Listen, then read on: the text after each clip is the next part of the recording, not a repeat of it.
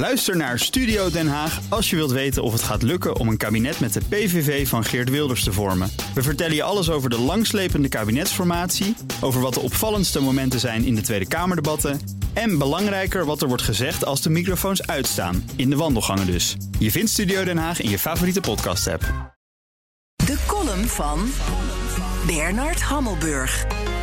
Dreigementen uit Amerika, ronkende teksten van de NAVO, waarschuwende vingers van de EU. Als puntje bij paaltje komt, legt niemand Vladimir Poetin een strobreed in de weg. De onvermijdelijke sancties zijn onaangenaam, maar spijkerhard worden die niet. En Rusland kan met zijn honderden miljarden aan cashreserve best tegen een stootje. Vladimir Poetin maakt op behendige wijze gebruik van de zwakheden van het Westen. Het eerste waaraan je denkt is Russisch gas, want Europa is daar voor 40% afhankelijk van. Durft de EU het aan om de import te stoppen? Of in samenwerking met Amerika de export te blokkeren, zoals met Iran is gebeurd? Wie dat gelooft, mag zijn vinger opsteken. Ander voorbeeld naar analogie van Iran. Aeroflot vliegt vrijwel uitsluitend met Airbus en Boeing-toestellen. Een echte sanctie zou het stopzetten van de leverantie van onderdelen zijn of onderhoudscontracten. Gaat allemaal niet gebeuren. Dan het militaire aspect. De invasie van Donbass is acht jaar geleden begonnen.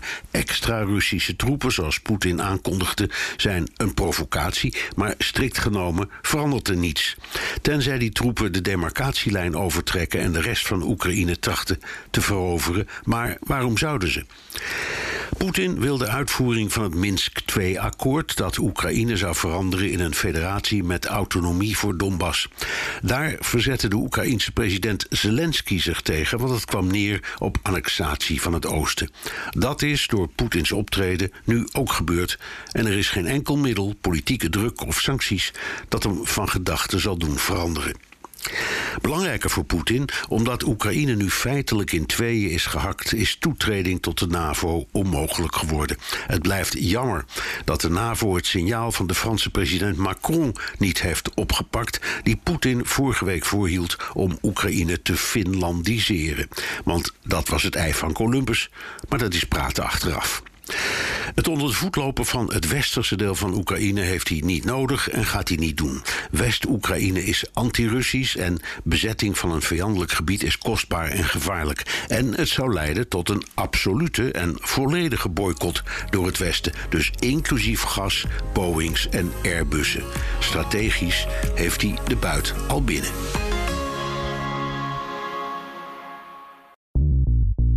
BNR ben je altijd als eerste op de hoogte van het laatste nieuws. Luister dagelijks live via internet. Bas van Werven. En heel langzaam komt de zon op rond dit tijdstip. Je krijgt inzicht in de dag die komt op BNR, het Binnenhof in Nederland en de rest van de wereld. De Ochtendspits. Voor de beste start van je werkdag. Blijf scherp en mis niets.